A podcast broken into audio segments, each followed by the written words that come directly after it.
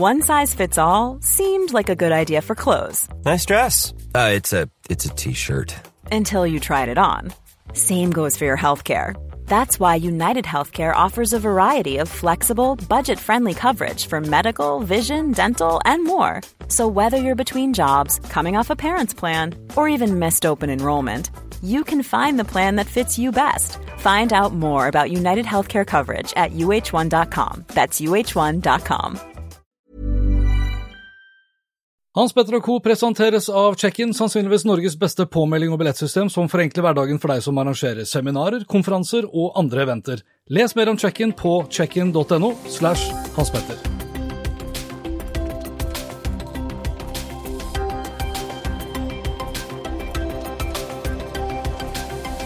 I denne episoden her så skal det handle om at virkeligheten av og til overgår fantasien. Jeg vil snakke litt mer om dumme postkasser og postkassetyveri. Og kundens opplevelse har alltid rett, vil noen påstå. Velkommen til Hans Petter og co. Jeg heter Hans Petter, og denne episoden ble spilt inn onsdag 5. februar. Lenker til alt jeg har snakket om og øvrige innslag finner du selvsagt på hanspetter.info. Av og til overgår virkeligheten fantasien, og det er tilfellet denne gangen, vil jeg påstå. Du har helt sikkert fått med deg drapet på journalisten Jamal Khashoggi tilbake i 2018, og kanskje fikk du med deg også for kort tid siden at mobiltelefonen til en av verdens rikeste, menn, toppsjefen i Amazon, Jeff Bezos, ble hacket. Nyheten om hackingen er forholdsvis ny, selv om hackingen som sådan tok sted i 2018. Men hva har Jeff Bezos og Jamal Khashoggi til felles, lurer du kanskje på. Og det er i hvert fall to ting. Det ene er Washington Post, og det andre er Saudi-Arabias prins Mohammed bin Salman, eller bare MBS for kort. Jeff Bezos kjøpte opp The Washington Post i 2018, og det er den samme avisen som Jamal Khashoggi jobbet i som journalist og kritiker av Saudi-Arabia. I 2019 så uttalte FNs spesialrapportør for utenomrettslige henrettelser at drapet på Khashoggi var planlagt og utført av en dødsskvadron på 15 mann, og det på oppdrag for MBS. Og nå mener FN-eksperter at de har informasjon på at Jeff Bezos sin telefon ble hacket etter at han mottok en melding via WhatsApp, og det fra MBS. I 2018, for det her er litt viktig, i 2018 så var MBS på en sjarmørtur rundt omkring i Vesten, hvor han traff på verdens toppledere som Bill Gates, Tim Cook, Elon Musk, Sundar Pichai fra Google og Jeff Bezos fra Amazon. Og bakgrunnen for denne sjarmørturen, ja, det var å tiltrekke seg investorer til Saudi-Arabia. Og på den tiden her så var det mange som feiret hvis vi kan kalle det det, at kvinner f.eks. skulle få lov til å kjøre bil, vestlige filmer skulle vises på kino, og MBS arrangerte sågar The Future Investment Initiative. Det meste var tilrettelagt for at MBS og Saudi-Arabia skulle fremstå som ganske så reformative og langt mer moderne. Og sånn sett så pekte det meste også da i riktig retning for Saudi-Arabias prins med ett unntak. Jamal Khashoggi, som skrev kritiske artikler om det saudiarabiske regimet. Og det skrev han om i Jeff Bezos sin avis The Washington Post. Noen måneder etter at Jeff Bezos og MBS hadde møtt hverandre, og etter at Khashoggi hadde blitt likvidert, avslører tabloidavisen The National Enquirer i USA at Bezos har vært utro.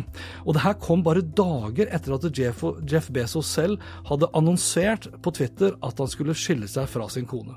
Jeff hadde blitt kontaktet av The National Enquirer, som fortalte at de satt på private bilder, inkludert dickpics og intime tekstmeldinger mellom han og hans elskerinne.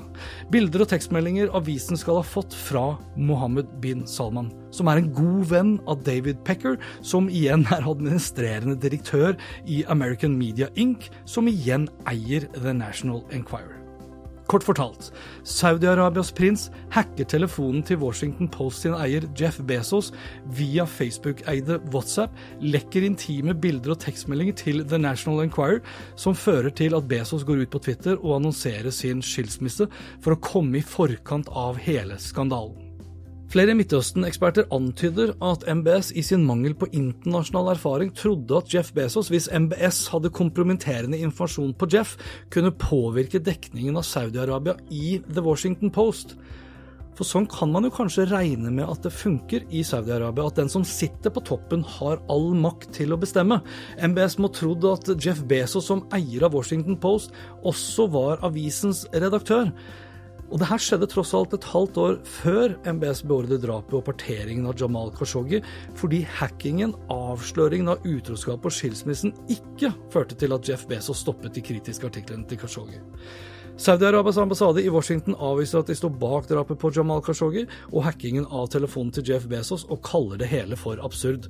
Og det er jeg helt enig med Saudi-Arabia om. Dette her er helt absurd. Men betyr det nødvendigvis at det ikke er sant? Think not. Om litt så skal du få høre at Posten inviterer nærmest til postkassetyveri. En kunstner i Tyskland faka en bilkø og nå har nok en Google-leder forlatt selskapet. Men først det her. One size fits all seems like a good idea for clothes until you try them on. Same goes for healthcare. That's why United Healthcare offers flexible, budget friendly coverage for medical, vision, dental, and more. Learn more at uh1.com. There's never been a faster or easier way to start your weight loss journey than with PlushCare. PlushCare accepts most insurance plans and gives you online access to board-certified physicians who can prescribe FDA-approved weight loss medications like Wigovi and Zepbound for those who qualify. Take charge of your health and speak with a board-certified physician about a weight loss plan that's right for you. Get started today at plushcare.com slash weight loss. That's plushcare.com slash weight loss. plushcare.com slash weight loss. I forrige uke så var jeg invitert til Stockholm til CXM Space, som det så pent heter. og CXM står da for Customer Experience Management, og bak arrangementet så sto Adobe. Ja, du hørte riktig, Adobe, Photoshop-selskapet som også er kjent for sin PDF-leser eller Lightroom osv. Men Adobe er veldig mye mer enn Photoshop og PDF og Lightroom. Du har jo Adobe Illustrator, i tillegg til en rekke andre produkter for designere. Men Adobe har også løsninger for digitale opplevelser som The Experience Cloud, Advertising Cloud, Audience Manager, Experience Manager og Magento Commerce Cloud i sin portefølje. Som de også har norske og skandinaviske kunder som bruker, og det for å skape bedre kundeopplevelser. Og kundeopplevelser snakkes det mye om, ikke minst i tilknytning til netthandel, butikkdød, automatisering og levering på døra, og da for å fikse den siste mila. Så når Adobe tok eh, kontakt med meg og lurte på om jeg hadde lyst til å være med på arrangementet, for å lære av Adobe, men ikke minst lære fra aktører som jeg kjente til, og, og i mange tilfeller også har et forhold til, som eksempel Møller Mobility Group, Coop, Volvo, Telenor, Sparebank1 osv., ja, så takket jeg ja. Og bare så det er sagt, og ikke glemt, Adobe betalte for reise og opphold, men de satt absolutt ingen krav til hva jeg skulle gjøre for dem. Så reisen var sponset, men dette segmentet her er ikke sponset. Iallfall, jeg tok med meg en mikrofon eh, og min eh, Remarkable, som jeg fortsatt bruker eh, flittig til å skrive notater, og satt meg på første rad for å få med meg så mange seanser jeg kunne. I tillegg så var jeg også veldig heldig å få anledning til å slå av en prat med noen av foredragsholderne, blant annet Adobes nordiske leder, Frank Attia, som er fransk, bor i Danmark og snakker fransk, dansk og engelsk, og jeg ønsket da å vite mer om hvordan Adobe ser på det her med kundeopplevelser og det å være kundesentrisk, og hvordan Adobe passer inn i så måte. Well, I think the, you know, if you want to uh, excel in what we call the experience economy and become a, an experience business, you need to master a certain number of pillars. You need the creativity, and we bring that with our historical creative suite. This is where we started 35 years ago. Um, and then you need to be able to master all the uh, the ability to deliver, assemble those experiences in real time, uh, measure the impact of those experiences uh, across, you know, the different channels. So, um, you know, about 13 years ago now, we started on that journey, and you know, it started with the acquisition of Omniture. Uh, when we did this, the market said, "Adobe has lost its mind. Oh, they're crazy. Why, why would a company that is doing creative software acquire an analytics solution? It made no sense back then. But the vision of our CEO back then, Shantanu Narayan, was already to say, we have the creative side. So today we are you know, empowering people to create. Now we want to start helping companies to transform because we can see that companies are going to need to change the way they operate and the way they engage with their customers. And I think we were pretty visionary in seeing that customer experience was going to become what makes that the customer is loyal or not. And since 2007, in the, in the first acquisition, we have assembled a portfolio of solutions that we that today constitute the uh, Adobe Experience Cloud.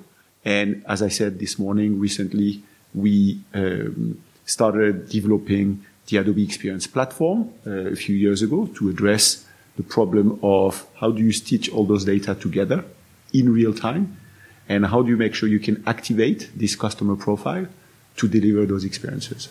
Coop, eh, som nevnt, var også til stede eh, med deres Chief Digital Officer Amer Mohammed. Utrolig inspirerende å høre på. Jeg angrer jo veldig at jeg ikke tok opp mer av foredraget hans, og at jeg ikke fikk slått av en prat med han. For her snakker vi om en særdeles frittalende, til tider deilig provoserende, samtidig som jeg også tenkte at han var akkurat det veldig mange selskaper, og kanskje mest av alt retailere, trenger i dag. En person som bare sier det som det er, som han blant annet sa Kundene driter i f.eks. om melken er kjøpt på Coop eller Ica, så lenge det er den samme dårlige kjøperopplevelsen, eller kjøpsopplevelsen, og kanskje enda viktigere, kundene driter om du har kjøpt deg et automatisert varelager, så lenge ikke det gjør noe med kundens opplevelse, for kundens opplevelse har alltid rett, og det er nettopp derfor det er så himla viktig å bli kundesentrisk, og samtidig så vanskelig å bli det. Et virkelig friskt pust kom også fra Telenor, og da fra Linda Wetterberg, dominerende aktør her i Norge, men en utfordrer i Sverige, og hun snakket nettopp om det å bli kundesentrisk, og da kanskje mest av alt reisen for å bli det. For her skal kunnskap, strukturer og verktøy samspille på en måte som først og fremst kommer kunden til gode, og dermed også selskapet til gode. Men det må da være mye enklere, tenkte jeg, å endre alt i et mindre selskap, og ikke minst når selskapet er en utfordrer og ikke en dominerende aktør. Vi har ju ett gemensamt purpose liksom, som syfte som bolag och, eh, men sen är vi ju nio olika enheter i Telenor. Allt ifrån Telenor i Norge som har en jättestark ställning och superbra nät och som är liksom ett folkligt liksom, varumärke som alla känner till och säkert tycker väldigt mycket om. Och här i Sverige så vi ju, har vi ungefär 20 procent av marknaden så vi är en väldigt solklar nummer tre efter då Telia och Tele2 kom hem. Eh, så vi självklart måste ju liksom agera mycket mer som en utmanare liksom, och göra saker. Vi måste vara snabba och snygga liksom, och göra det, vara lite mer, vi måste vara väldigt modiga. Som marknadsledare har man kanske ett annat ansvar för hela marknaden när man är så dominant. De utspel man gör får väldigt stor konsekvens på marknaden.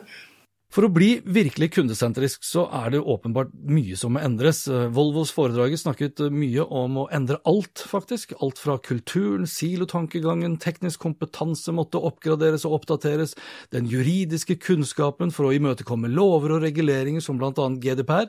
Rett og slett endre hele mindsettet fra hvordan til hvorfor, og da hvorfor i det hele tatt kundene skal bry seg. Nå fikk ikke jeg snakket med Volvo, men jeg fikk slått av en prat med Møller, som nå har endret navn til Møller Mobility Group, kanskje i tråd med ja, hvordan markedet generelt utvikler seg. For selskapet som sitter mellom barken og veden, mellom f.eks. Volvo og Volvo-kunden, selv om da Møller ikke har Volvo-agenturet i så måte. Men spørsmålet Møller Mobility Group må stille seg, er jo selvfølgelig da hvordan de skal tilpasse seg en mer digital hverdag, hvor vi surfer kanskje mer online før vi kjøper bilen offline i den grad vi i det hele tatt gjør det. Altså Hvordan skal mellomleddet skape kundeopplevelser som gjør at de fortsatt blir relevante? Her slo jeg en prat med Kim Motrøn, som er Head of Marketing Operations for Møller Mobility Group, og han har bakgrunn fra, fra bl.a. Eniro, hvor han jobbet med Rune Paulseth fra Facebook, og det digitale markedsbyrået Oculus før han fikk ansvaret for å bygge opp nærmest det samme byrået som i Oculus, men da for Møller. Jeg tror nok den, jeg tror nok kundeopplevelsen rundt bil kommer til å bli like mye påvirka som alle andre bransjer på sikt. Da kan man jo enten vente til det skjer og prøve å snu seg fort, eller så kan man eh, prøve å begynne nå mens eh, Det er, det er i hvert fall et ordtak internt som handler om å fikse taket mens sola skinner, på en måte. Og nå er jo sola skinner i vår bransje, eller i hvert fall i vårt selskap.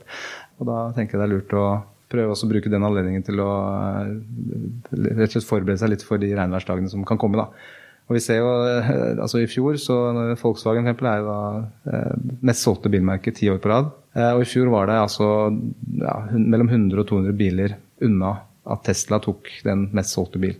Og Det er en konkurrent som har dukket opp de siste fem, seks, syv årene. De har en heldigital kundereise, showrooms på en måte, helt annen logistikk. Uh, og de har, bruker nesten ingenting på digital markedsføring. Uh, I hvert fall ikke i det volumet som vi og andre store brands gjør. Og i tillegg så har de Volkswagen har da en av de største modellporteføljene i markedet i forhold til antall forskjellige biler. Og drivlinjer, ikke minst. Tesla har én, og er, i fjor var det Tesla eller modell 3. Når de kan komme inn på så kort tid og på en måte forandre hele konkurransesituasjonen, så, så påvirker det selvfølgelig hvordan man begynner å tenke på årene fremover. da. Som så mye annet her i livet, så er det jo lett å si at noe er viktig. Det vanskeligste er derimot å sette det ut i livet, og ikke minst finne ut hva som må til, og hvorfor. Og Her spurte jeg også da Dobes Frank Atti om hvordan man bør gå frem for å lykkes med å skape gode kundeopplevelser, hvordan man bør gå frem for å bli virkelig kundesentrisk, og hvordan man da lykkes i overgangen fra informasjonsalderen til opplevelsesalderen. Tell us how you would like to reinvent or reimagine the digital relationship you have with your clients. And if it's a company that has also physical touchpoints, how do you want to reimagine that relationship combining digital and physical channels? And then we storyboard it. And then we put that storyboard in action so we can, together with our key stakeholders, create that vision of if you engage in that journey, this is what you're going to be able to do. And this is the business impact. So there is a business case associated to it. And then they use this internally to do the selling because, you know, if you were here this morning and you heard, uh, from uh, Coop, like the cultural change is really important. How do you drive change? You drive change by explaining why you want to drive change and you make sure you get people on board by helping them visualize what this change is going to bring to you as an organization and what it's going to bring to you as an individual. And once you have that, it defines kind of a, a path. You know, what is the journey or the first part of the journey, because it's a never ending journey that we can engage on together. And then we define a plan. Okay, this is a 12 month plan. This is an 18 month plan, a 24 month plan. And we will, of course, revisit that on a regular basis, defining priorities with our customer and then starting, you know, rolling out technology rolling out the different processes, the changes in the organization. And we do that with our clients. We have very often so, uh, our partners involved in this, huh, because this is not only a tech discussion, obviously. Uh, tech, I would say, is the easy piece. You need to pick the right one, but that's the easy piece. Challenge is, you know, cultural change, getting the right processes in place, very often going more agile, having more velocity in the organization, uh, having the right processes. But this is, you know, very exciting because it's you know it's very proven. There's been so many studies, and and well, you just talk to uh, Telenor, you see the number they've achieved. They've achieved. I mean, this is like hardcore numbers, right? It's not fluffy discussion about customer experience. This is this is what we've done, and this is how it has impacted our business. Jeg har slutta å få post i postkassa mi. altså Dagens Næringsliv på lørdager havner fortsatt i den gode, gamle postkassen min, men all øvrig post og pakker som blir sendt som brevpost, ja, de må jeg hente ut i PIB, altså post i butikk. Og årsaken er like enkel som den er idiotisk, spør meg, for postkassa mi står ti meter inne på min egen tomt, og det fra da veien. Altså kall det hovedveien, da, men den lille veien inn til der jeg bor. Og der har den stått siden jeg flytta inn i 2008, og siden den gang så har postvolumet falt dramatisk og ned til et nivå hvor posten ikke skal leveres hver dag lenger. Mindre volum, mindre å gjøre, og samtidig litt latere postbud. For nå vil Posten at jeg og flere av naboene skal konsolidere postkassene våre på mitt gjerde, og da ut mot veien. Nå finnes det mange som ikke vil ha andre, andre, andres postkasser på sitt gjerde, rett og slett fordi de synes det er noe, noe herk, altså det blir ikke noe pent. Grunnen til at ikke jeg ønsker å gjøre det, er ikke det, men andre årsaker. Den første for eksempel er ja, ikke spesielt gyldig i 2020, fordi det er ikke så veldig mye snø, men i alle vintre før den så er snømengden utenfor, altså på veien, som følge av brøyting av gaten ført til at snøen har ligget godt over gjerdet, og i så tilfelle så vil postkassen min og mine naboer enten gå i stykker eller bli borte borte under snøen. Den andre årsaken er egentlig den viktigste, for nå har Posten også lansert Send fra egen postkasse. Altså nå kan du sende brev og små pakker fra din egen postkasse. Du kan til og med frankere pakkene digitalt, og så bare legge pakkene opp i postkassen din, si ifra til Posten, og så kommer postmannen eller postdama og henter pakken. I en postkasse som står da ut mot veien, ulåst og usikker, og hvor du er ansvarlig for pakken. Det krever litt mer av en tyv å stikke innom huset eller tomta di for å sjekke om postkassa inneholder en pakke som skal sendes i retur, enn om det henger fem usikra postkasser på rekke og rad som er tilgjengelige ved å bare stikke hånda ut gjennom vinduet for å sjekke etter. Og det her er heller ikke de eneste grunnene til at jeg ikke vil henge postkassa mi på utsiden heller, for for det første så har jeg ikke lyst til å ha en åpen og usikra postkasse. Jeg vil ha en trygg og sikker postkasse som i tillegg er på nett. Jeg vil ha en smart postkasse. En postkasse som kan ta imot både brev, pakker og matkasser, og som kan si ifra til meg at nå har det dukket opp en pakke, og den er fra Komplett, eller nå har det dukket opp en matkasse fra Kolonial. I det siste, også før Posten slutta å levere post til meg, så har jeg titt og ofte fått SMS fra Posten om at jeg ikke var hjemme, eksempel, når Posten kom med pakken min. Selv om jeg var hjemme. Selv om jeg ikke registrert at noen hadde ringt på. Jeg hadde ikke oppdaget noe bevegelse via mine overvåkningskamera utenfra heller. Så rett og slett bare en påstand om at jeg ikke var hjemme, slik at postmannen slapp å kjøre hele runda si, og i stedet kunne bare levere alt sammen til Pibben, altså posten i butikken. Jeg vil ha en smartpostkasse hvor jeg kan legge pakker og brev som skal sendes, og som postmannen som tross alt får betalt av meg for å hente pakken, kan hente ut av min postkasse med en kode, eller ved å ta en strekkode som skannes for å åpnes. Helt trygt og sikkert. For er det noe jeg ikke ønsker, ja, så er det å krangle med butikken som returpakken skulle gå til, eller forsikringsselskapet mitt som uansett vil kreve høyere egenandel enn de aller fleste returpakkene uansett ville være verdt. Postens krav om å henge usikra post postkasser fra nabolaget på samme gjerde, ja, det er det samme som å be om trøbbel, det er å be om tyveri. Og dette skjer samtidig som pakkevolumet bare øker og øker, og aktørene klør seg i skallen for å komme opp med et levedyktig last mile-tilbud. Fremtiden bør ikke baseres på en dum postkasse på gjerdet og en smart postkasse ved døra, iallfall ikke i 2020. Om så er, så kan jeg gjerne samtykke til at Posten for eksempel ikke leverer ut den tradisjonelle posten så fremst ikke det er andre pakker som skal leveres til min smartpostkasse, eller for eksempel at vi blir enige om at den vanlige posten kun leveres i min smartpostkasse en gang i uken, for det er stort sett bare kopier av faktura uansett jeg får som fysisk brevpost. For med en smartpostkasse så får jeg jo ikke bare en trygg og sikker levering og retur av post og pakker og mat, men jeg kan i tillegg også da slippe å vente de seks timene på at postbudet som skulle komme mellom klokken to og klokken 20, og som alltid kommer klokken 20.05, heller da kan bare legge pakken i min flotte, store, smarte postkasse, som i tillegg er tilkobla internett, og som kan fortelle meg at nå har jeg blitt matet med nye pakker eller ny mat, og det her står da trygt og sikkert på innsiden av gjerdet mitt, vekk fra klåfingra tjuvrader som krysser fingrene sine, for at så mange som mulig tar sjansen på å sende retur fra sine dumme, åpne og usikra analoge postkasser. Jeg runder som vanlig av episoden med noen kortere overskrifter, og jeg begynner med kukun. Altså, syns du det er vanskelig å være deg selv på sosiale medier, er det enkelte som spør, spør og det spør blant annet da Kukun, som eh, peker mot en fremtid der alt skal handle om å være seg selv, og da med noen få utvalgte.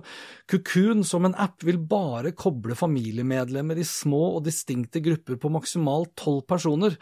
Og forretningsmodellen vil være da abonnementsbasert fremfor annonsebasert. Dette her er Path All Over Again. Husker dere Path, som ble stengt i 2018, lansert i 2010 og var basert på samme prinsipp om et begrenset antall forbindelser. Først var det snakk om 50, deretter økte de antallet til 150, og så til 500, før hele tjenesten ble stengt ned. Det er ganske mange her som prøver seg med den samme motivasjonen om å gjøre deling mer personlig og begrensa, og så langt så er det ingen som har lykkes. Og jeg har umiddelbart vanskelig for å se at Kukun vil være unntaket som bekrefter den regelen. Den største garantien for å ikke få pressedekning, ja, det er å skrive en pressemelding, sa Mina Gerhardsen til meg. Hun er bl.a. forfatter av boken Å lykkes med media, og var gjest i podkasten min tilbake til episode 26. Og nå viser det seg at det kanskje ikke helt stemmer. For analysebyrået Retriever har nylig gjennomført en studie som tok for seg 100 000 pressemeldinger mellom 2011 og 2018, i tillegg til over 33 millioner artikler som ble publisert av totalt 936 redaksjonelle medier, og da både papir og nett i den samme perioden. I 2011 så var andelen av pressemeldinger som fikk medieomtale 58% mens det i 2018 hadde steget til hele 80% Det vil si en økning på 22 prosentpoeng, og det på ca. syv år. Og Det utgjør således da en økning på nesten 40% Det er noen menn her, altså. For det kommer også frem i undersøkelsen at det er private virksomheter som sender ut flest pressemeldinger, men disse har en lavere sannsynlighet for å bli plukket opp sammenligna med pressemeldinger sendt ut av ikke-statlige organisasjoner og offentlige virksomheter. Nesten en tredjedel av pressemeldingene handler om produkter og tjenester, og disse har en lavere sannsynlighet for å bli plukket opp av et medie sammenlignet med pressemeldinger som formidler fakta og innsikt, kampanjer og samfunnsansvar og virksomhetsinformasjon. Og de største mediene henter ofte inn egne kilder, og gjør oftere rede for at stoff som er basert på pressemeldinger, er nettopp det. Så ta det for hva det er verdt. Mediene bruker stadig oftere pressemeldinger når de lager saker, men ikke nødvendigvis av det nye printernet. Hva er det som skjer i selskapet der ingen slutter? Altså Jan Grønbekk, daværende administrerende direktør i Google Norge, han sa jo det her for noen år siden, og det hadde han all grunn til, for det var ingen som slutta i Google. Men nå slutter jo alle, og denne gangen er det nok en uh, sentralt ansatt i Google Norge som forsvinner, og det er ingen ringere enn PR-sjefen selv. Tre år etter at hun forlot Skipsted-avisen Aftenposten for å bli PR-sjef i Google, forsvinner hun igjen for å begynne som podkastsjef, og da i Skipsted-avisen VG. Og det er blant annet Medie24 som melder, og uh, Helle Skjervold sier selv til eh, Medie24 at dette er en drømmejobb med stor D. Som fast og ivrig lytter av VGs podkaster fra dag én er jeg kjempeglad for å kunne bli med på laget. Jeg er ekstremt glad for å få muligheten til å jobbe med å løfte VGs podkasttilbud sammen med den flinke avdelingen og resten av huset. Ikke spesielt leit å forlate Google om dagen, med andre ord. Og mens vi er inne på Google, så skriver Business Insider her forleden dag om en tysk kunstner som lurte Google Maps til å rute bilister til å kjøre en omvei for å unngå bilkø. Og saken var at bilkøen var fake, altså det var ikke en ekte bilkø. Kunstneren hadde samla inn 99 smarttelefoner i en tralle som han fikk noen til å dra rundt med seg i noen gater. Og som vi alle vet, så blir jo telefonene våre behørig overvåket av Google med våre GPS-lokasjoner, for å blant annet optimalisere hvor det er vi bør kjøre for å komme raskest mulig frem eller hjem. Dette kan jo være en smart idé, for eksempel, for eh, gater som har kanskje mange barn, og som ergrer seg og er bekymret for alle bilene som kanskje da velger å kjøre gjennom din gate fremfor å kjøre på de hovedgatene, for der vil det gå fortere. Kanskje begynne å betale disse kidsa for å fly rundt med sånne traller. Gå sakte og rolig frem og tilbake, opp og ned i veien for en femøring, holdt jeg på å si, og da med en tralle full av mobiltelefoner, for da kommer vi som vurderte å kjøre der, til å kjøre en annen vei fordi Google sin uh, Waze eller Google Maps vil fortelle oss at her er det bilkø. Altså en fake bilkø.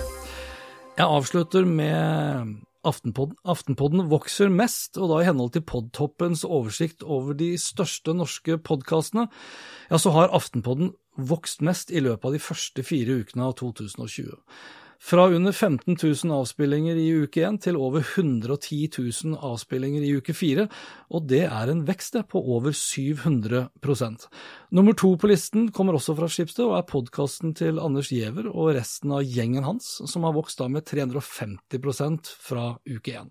Og på tredjeplass så finner vi NRK sin podkast Hele historien, med en vekst på 320% men når det er sagt, så er det fortsatt ingen som slår Friminutt med Herman og Mikkel, verken i antall unike enheter som blir brukt til å lytte på podkasten deres, eller i antall avspillinger, og de har da, med det volumet, klart å doble antall avspillinger fra uke 1 og til uke 4, og nærmer seg nå 600 000 avspillinger i uken, altså nedlastninger og eller strømminger, og det er godt over 100 000 flere avspillinger enn nummer to som også kommer fra Skipsted, Aftenpostens Forklart. Og dette var det for denne gang. Likte du det du hørte og vil forsikre deg om at du får med deg de neste episodene, da kan du bl.a. abonnere på Hans Petter og Co. på Apple Podkaster. Ellers er podkasten også tilgjengelig på Spotify, Acast, Google Podcast, Overcast og TuneIn Radio. Inntil neste gang, vær nysgjerrig, for det er den beste måten å møte vår digitale fremtid på. Hans Petter Co. presenteres av Check-in, sannsynligvis Norges beste påmelding og billettsystem som forenkler hverdagen for deg som arrangerer seminarer, konferanser og andre eventer. Les mer om Check-in på checkin.no slash Hans Petter. My business used to be weighed down by the complexities of in-person payments. Then, Tap to Pay on iPhone and Stripe came along and changed everything. With Tap to Pay on iPhone and Stripe, I streamlined my payment process effortlessly. Now I can accept in person, contactless payments right from my iPhone. No extra hardware required. What's truly remarkable is how I can cater to all of my customers' payment preferences. Whether they're using cards, Apple Pay, or other digital wallets, Tap to Pay on iPhone and Stripe ensure a smooth checkout experience every time. And it's not just me. Stripe helps businesses of all sizes, from local markets to global retailers, scale quickly and stay agile. To learn how Tap to Pay on iPhone and Stripe can help grow your revenue and reach, visit stripe.com slash tap iPhone. Why don't more infant formula companies use organic, grass-fed whole milk instead of skim? Why don't more infant formula companies use the latest breast milk science? Why don't more infant formula companies run their own clinical trials? Why don't more infant formula companies use more of the proteins found in breast milk?